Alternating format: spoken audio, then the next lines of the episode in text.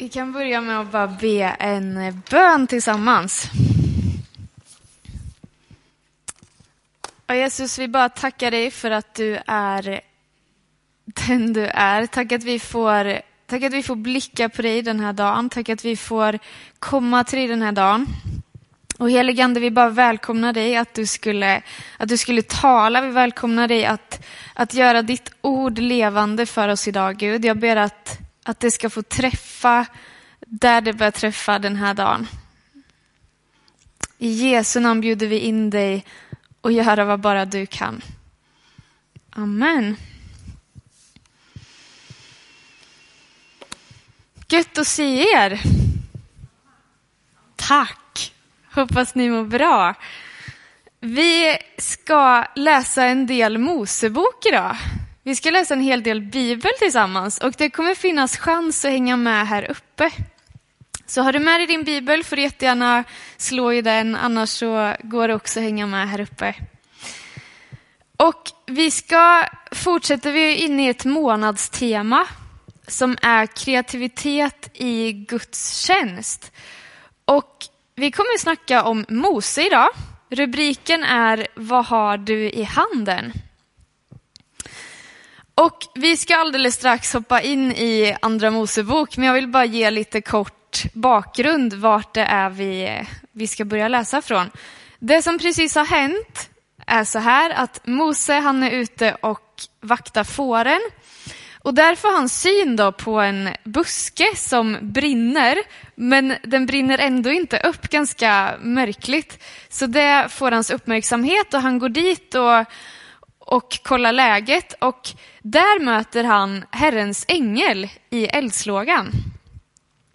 Och där börjar Gud tala med honom och Gud säger liksom att jag har sett hur mitt folk är plågat, jag har sett hur mitt folk har blivit gjorda till slavar och jag har hört deras bön, jag har hört deras rop liksom och nu vill jag befria dem.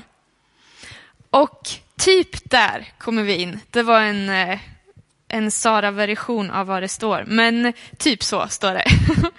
Så vi ska tillsammans läsa nu då Andra Mosebok kapitel 3 och så vers 10 till 22. Då står det så här. Så gå nu, det är Gud som pratar nu. Gå nu, jag sänder dig till farao och du ska föra mitt folk, israeliterna, ut ur Egypten. Mose invände, hur skulle en sån som jag kunna gå till farao och föra israeliterna ut ur Egypten? Gud svarade, jag ska vara med dig och detta är tecknet som ska visa att det är jag som har sänt dig. När du har fört folket ut ur Egypten ska ni hålla gudstjänst på detta berg. Och då sa Mose till Gud, om jag nu kommer till israeliterna och säger att deras fäders Gud har sänt mig till dem och de frågar efter hans namn, vad ska jag då svara? Gud sa, jag är den jag är. Säg dem att han som heter Jag är har sänt dig till dem. Och Gud fortsatte. Säg israeliterna att Herren, deras fäders Gud, Abrahams Gud, Isaks Gud och Jakobs Gud har sänt dig till dem. Detta ska vara mitt namn för all framtid, men det namnet jag ska åkallas, men det namnet ska jag åkallas från släkte till släkte Gå nu och kalla samman Israels äldste och tala om för dem att Herren, deras fäders Gud, Abrahams, Isaks och Jakobs Gud, har uppenbarat sig för dig. Säg dem att jag har gett akt på dem och vet vad som har drabbat dem i Egypten och att jag har beslutat att föra dem från förtrycket i, till, förtrycket i Egypten upp till kananiernas, hetiternas, amoriernas, periseernas och kivenas och gevenas land. Ett land som flödar av mjölk och honung. De kommer att lyssna till dig och sen så ska du och Israels äldste gå till kungen av Egypten och säga till honom. Herren, hebreernas Gud, har visat sig för oss. Låt oss gå tre dagsmarscher ut i öknen och offra åt Herren, vår Gud. Jag vet att kungen av Egypten inte låter er gå om man inte blir tvingad. Därför ska jag sträcka ut min hand och låta Egypten drabbas av märkliga ting. Märkliga ting jag ska göra där. Sedan kommer han att släppa er. Och jag ska göra egyptierna så välvilligt stämda mot detta folk att ni inte ska behöva ge er iväg tomhänta. Varje kvinna ska be sina grannfruar och kvinnorna i sitt hushåll om föremål av silver och av guld och om kläder som ni ska låta era söner och döttrar bära, så tar ni byte från egyptierna. Det var långt, långt, långt. Men det som händer är alltså att Mose får i uppdrag att föra israeliterna ut ur fångenskapen, ut ur Egypten. Ett ganska stort uppdrag kan man tänka. Och vi fortsätter att se nu då, vad, vad blir responsen? Vad händer liksom? Han är ute och vaktar fåren och så kommer den här nyheten. Så vi ska läsa från kapitel 4. Och då står det, Mose sa, men om de inte tror mig, inte lyssnar på mig, utan säger att Herren inte har uppenbarat sig för mig. Herren sa, vad har du i handen? En stav, svarade Mose. Kasta den på marken, sa Herren. Mose kastade den på marken och den förvandlades till en orm.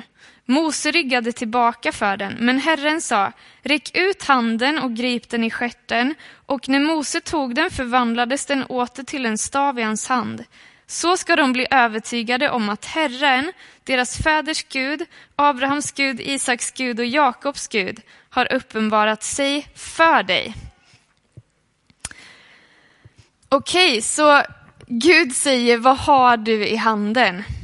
Och Moses vanliga jobb, det var att, att vakta får, liksom. det var att vara ute bland fåren. Och vad har man då i handen? Jo, man har sin stav. Det var liksom hans trygga punkt, det var det han kände till. Och det här bara talar till mig att Gud kan använda vår trygga punkt, det som vi är bra på, det som vi känner till. liksom. Så det du och jag har i vår hand, det kan Gud använda och göra stora grejer av det. Men man hade också kunnat välja att se på det som att så här, jag har en pinne liksom. Vad ska jag med den till? Så det är också ett alternativ att se på det. Att så du ber mig befria ett helt folk och här står jag med min pinne. Men jag älskar att han ändå väljer att så här, han går på det, det han har, ja, men det använder han. Det låter han Gud få, få göra någonting stort med. Och sen så fortsätter det då. Vi ska läsa från kapitel 4, vers 10. Moses sa, förlåt din tjänare, Herre, men jag har inte orden i min makt, det har jag aldrig haft, inte heller sedan du talade till mig. Orden kommer trögt och tveksamt. Herren svarade, vem har gett människan hennes mun? Vem är det som gör henne stum eller döv, seende eller blind? Är det inte jag, Herren? Gå nu, jag ska själv vara med dig när du talar och lära dig vad du ska säga. Men Mose vädjade, Herre, jag ber dig, sänd bud med någon annan, vem du vill. Då blev Herren vred på honom och sa, du har ju din bror Aron, leviten, han kan tala, det vet jag. Han är redan på väg för att möta dig och han blir glad att få se dig. Tala med honom och lägg orden i hans mun. Jag ska själv vara med både dig och honom när ni talar och visa er vad ni ska göra. Han, han ska tala till folket för din räkning, så blir han din mun och du blir hans Gud. Och staven ska du ha i handen, det är med den du ska utföra tecknen. Och det här säger ytterligare en sak tycker jag när man läser det. Först så säger det att oh, men Gud han använder det han har i handen, det han känner till, det han känner sig trygg med, det han är bra på. Men sen säger Gud ytterligare en sak, att jag vill använda dig till att tala för folken. Och Moses respons är typ så här, snälla låt mig slippa ta vem som helst. Och han står och förklarar liksom hur, hur han inte är bra på det här och hur, hur orden kommer trögt ur hans mun och, och hit och dit. Och det här säger också till mig att kanske ibland att Gud faktiskt ser saker i oss som vi inte själva har upptäckt i oss själva. Att Gud lägger ner gåvor i oss som vi kanske inte än har vågat gå ut i, men som Gud säger att hej, jag ser det där i dig. Våga gå, så är jag med dig. Och han kan också använda det som vi tänker, det här är ingenting liksom. Jag har ingenting att komma med här, men det kan Gud använda. Och här kan jag så relatera till Mose. Jag, jag har inte träffat Mose, men jag tycker väldigt mycket om Mose och jag tror det är för att jag, jag känner igen mig med honom. Hela, ja men så här, när Gud, när jag upplevde att Gud kallade mig in i den här tjänsten så var jag typ där i livet att, att det värsta jag visste var att prata inför folk. Och jag överdriver inte när jag säger så, utan ja, men hela, hela min skolgång så har det varit liksom det som jag det som jag inte är bekväm med. Om man vill få mig, ville man få mig att få panik när jag gick i skolan, då skulle man säga typ ställ dig, på, ställ dig framför hela klassen och ha en, en muntlig redovisning. Och där någonstans så upplever, upplever jag hur Gud säger att ja, men, du ska gå in i den här tjänsten och bli ungdomspastor. Så jag, jag kan ändå säga att jag känner igen mig med, med Mose där han var. Liksom, att, hur tänker du Gud? Kan du inte ta någon som i alla fall är lite bra på det där? Eller någon som, ja, du får jättegärna ta någon annan. Men Gud kan använda även det. Det är det som är så stort med Gud, att han kan ta det som vi tycker att det här är ingenting och så kan, kan det få bli till någonting stort. Och jag älskar, det står i Ordspråksboken 3 och 5. Förtrösta på Herren av hela ditt hjärta och lita inte till ditt eget förstånd. Och det här peppar i alla fall mig att tänka, vad är det Gud säger? Alltså det Gud säger, det håller att gå på. Det kan vi liksom våga gå ut i. Och Ja, men det peppar mig att våga gå på det Gud har sagt. Så jag vill bara också fråga dig, vad är det Gud har sagt in i ditt liv? Våga gå på det. Och ibland kanske vi också bara behöver påminna oss om att ge faktiskt megafonen till Gud. Ibland så blir det vi själva tycker eller det man hört människor säga, det blir så himla viktigt för oss, det blir så himla stort för oss. Men vad är det Gud har sagt? Att låta det få vara oj, att låta det få vara liksom, ja, men grunden och att låta det få vara det vi står på och det vi, det vi vågar gå på. Okej, så Mose han, han väljer att gå. Han, eh, han tar med sig staven och han kör på det uppdrag han har fått. Han får med sig brorsan. Eh, han slipper stå i spetsen och snacka, utan han får med sig brorsan, men han väljer att gå. Och vad händer då? Det ska vi ta och läsa nu. Och nu hoppar vi fram lite kapitel, så du får jättegärna, om du inte känner till den här storyn, gå hem och läs jättegärna vad som händer däremellan. Men vi ska hoppa fram nu till kapitel 14. Och då står det i vers 15 och framåt så här. Herren sa till Mose, varför ropar du till mig? Se åt israeliterna att dra vidare. Lyft upp din, lyft din stav och sträck ut din hand över havet och klyv det, så att israeliterna kan gå torrskodda tvärs igenom havet. Jag ska förhärda egyptierna så att de följer efter dem. Jag ska visa min makt genom att krossa farao och hela hans här hans vagnar och hans vagnkämpar. Och egyptierna ska inse att jag är Herren. När jag visar min makt och krossar farao och hans vagnar och vagnskämpar. Sen hoppar vi fram några versar och så fort, fortsätter vi från kapitel 14, vers 21. Mose sträckte ut sin hand över havet och Herren drev undan havet med en stark östanvind som blåste hela natten.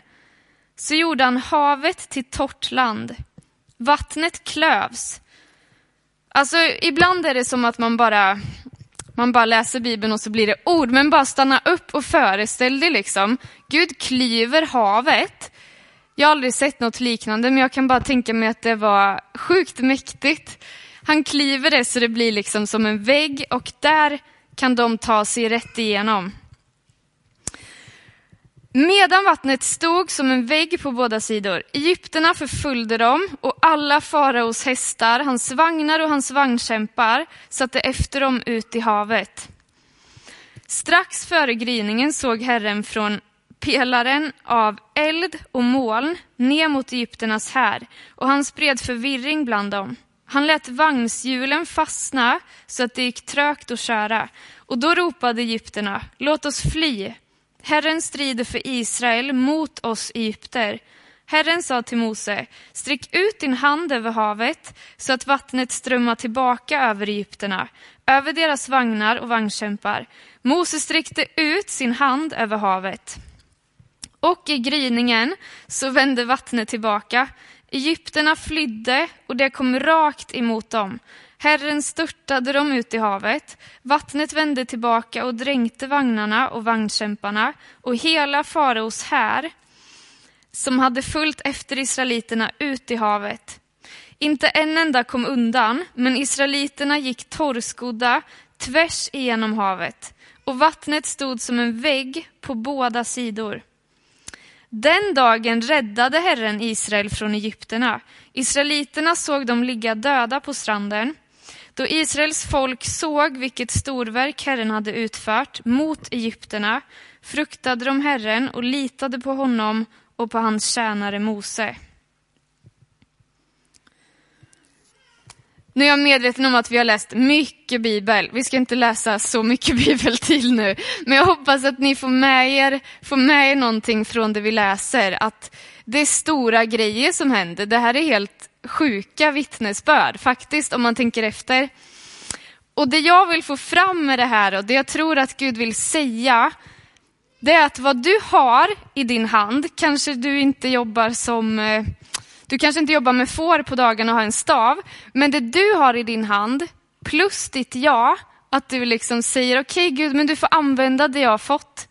Det kan bli till stora grejer när vi går med Gud, när vi går tillsammans med den heliga Ande i vardagen och låter han få använda oss. Och jag blir inspirerad av Mose när jag ser vad hans liv fick leda till för så sjukt många människor. Det, det finns en undersökning, man gjorde en undersökning i en tidning och så ställer man en fråga till eh, ja, men över 10 000 människor som var typ 80 år. 80 år uppåt. Och då ställer man den här frågan. Om du fick leva om ditt liv, vad hade du gjort? Och då kommer det upp tre saker, framför allt. Nummer ett, den som kommer upp är, jag skulle ha tagit fler risker, jag skulle ha vågat mer. Nummer två, reflekterat mer och stannat upp ibland. Tre, jag skulle lagt mer tid på saker som kunde leva vidare efter att vi var klara på den här jorden. Och ibland så är det så lätt att man snör in sig i det man är i, i sin vardag, i det som vi ser här och nu liksom. Men här, den här undersökningen hjälpte mig att få lite evighetsperspektiv, att tänka större än bara det som jag står i exakt just nu. Och det påminde mig också om det uppdrag vi har fått. Så det här, jag ville bara dela den undersökningen mer, för den gjorde mig lite mer taggad på att, att våga, att lite till ut på vattnet, att våga gå ut i vad man, vad man upplever att Gud säger. Och vad är då uppdraget vi har fått? Det står i Matteus 28 och 19. Vi ska se om vi får upp det här. Gå därför ut och gör alla folk till lärjungar. Döp dem i Faderns, Sonens och i den heliga Andes namn. Jag tror verkligen att Gud har en, en plan med ditt och mitt liv, att han har ett syfte med ditt och mitt liv, att han har skapat oss unika, han ser inte oss just nu bara som en klump människor och ni, ni de där i pingkyrkan, utan jag tror att Gud har ett, ett verkligen unikt syfte med var och en av oss som är här. Och vad jag tolkar det som så är inte min tolkning att Mose kände sig som värsta, värsta superhjälten liksom. Men Gud kom och mötte honom i hans vardag, där han var. Och Mose lät honom få använda honom och det han hade. Och det fick leda till att alltså ett ja fick beröra så många människor. Mose valde att säga ja, han valde att låta Gud använda det han hade och det fick påverka sjukt mycket människor. Och det inspirerar mig också att tänka tanken, vad händer när vi säger ja till Gud? Vad händer när vi låter han använda det vi har? Tänk om det kan få välsigna någon annan? Tänk om det kan få göra skillnad in i Guds rike? Var det lätt då? Jag skulle inte gissa att det var så lätt när man läser om att det var liksom 40 år i öknen. Det låter inte riktigt som en drömsemester kanske, men, men det man kan se också när man läser det är att Gud var trofast, han var med och han höll det han lovade, han svek inte. Det finns en liknelse i Bibeln, liknelsen om vinstocken. Och tänkte att vi bara skulle läsa den.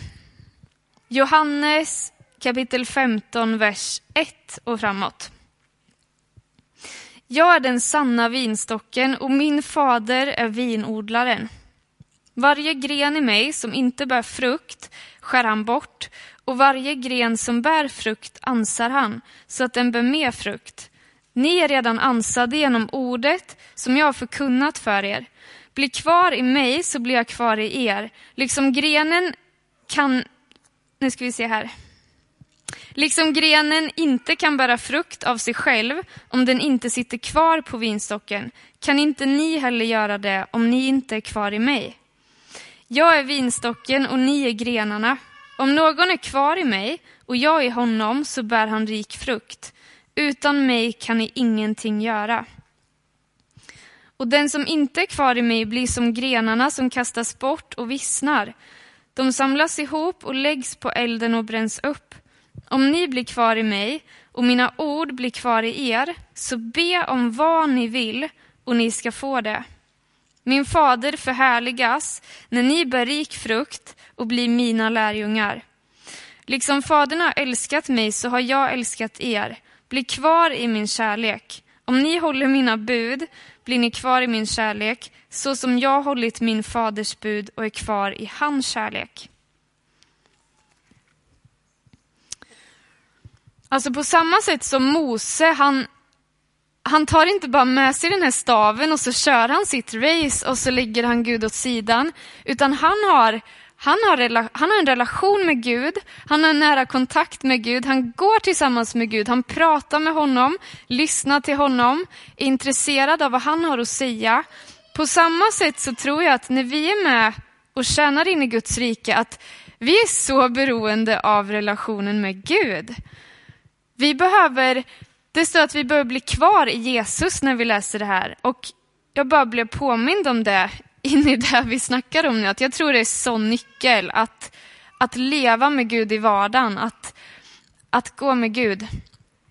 Och det finns ett uttryck som är så här att vi går inte till kyrkan utan vi är kyrkan.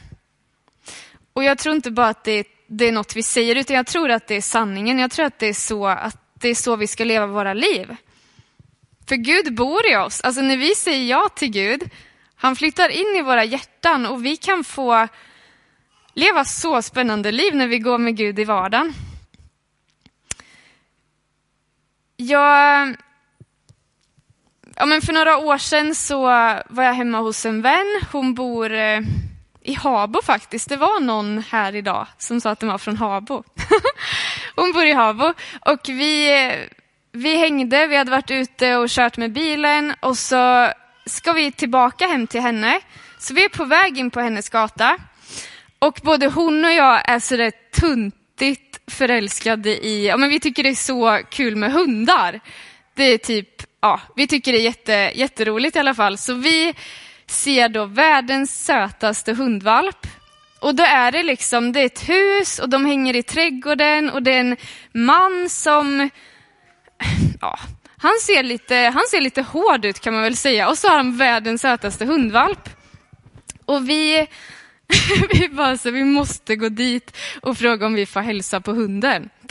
Um, så vi parkerar bilen och så går vi tillbaka och så går vi fram och bara, hej får vi hälsa på din hund? och eh, det här leder till att han bara öppnar upp fullständigt sitt hjärta för oss. Han eh, hade det inte superlätt. Vi fick, vi fick tala in i hans liv, vi fick tala tro in i hans liv och vi upplevde faktiskt där och då hur Gud ledde oss till den här mannen och hur, hur det fick bli till ett så viktigt samtal. Och ja, vi, och det, jag tycker bara det här är så komiskt att så här, okej, okay, jag gillar hundar och hon med då. Och Gud ser det och Gud kan faktiskt använda det till någonting lite viktigare än hundar. och jag vill bara uppmuntra dig i det att kanske, kanske inte det är hundar som är ditt intresse, men alltså låt Gud använda dig i din vardag, i det du sysslar med liksom. Jag blev inspirerad av Lotta häromveckan som säger att på gymmet så kände hon att hon skulle be för någon. Men då gör jag det. Att så här, där vi är i vardagen, att låta den heliga ande få tala till oss där. Så vad har du i din hand?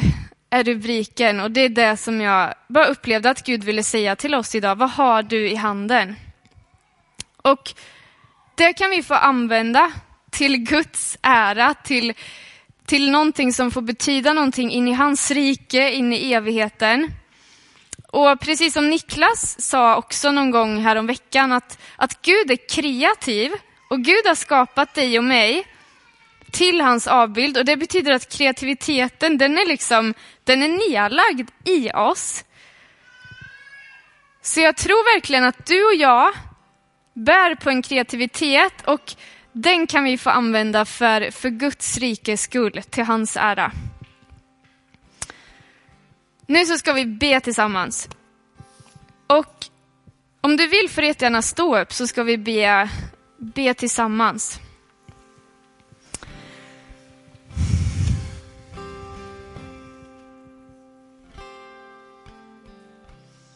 Ja, Jesus, tack att det vi läste om i Bibeln, hur, hur ett ja, hur en vill, ett villigt hjärta kan få leda så sjukt många människor ut i frihet.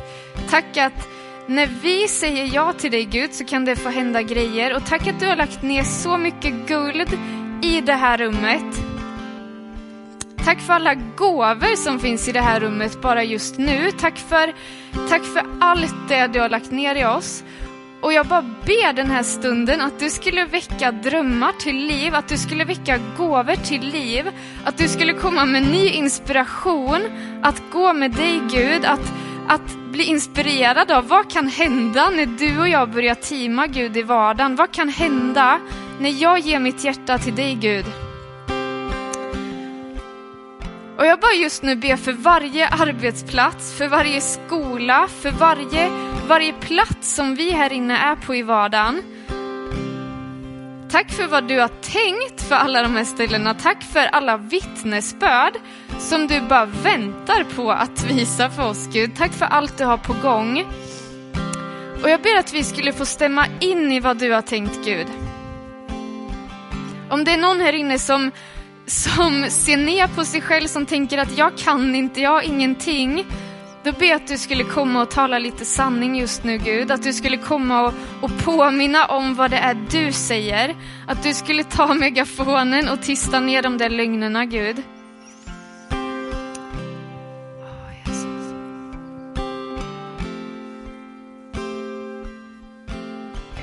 Tack att du just nu bara påminner någon här inne om vad du har lagt i handen vad du har lagt ner i den personen.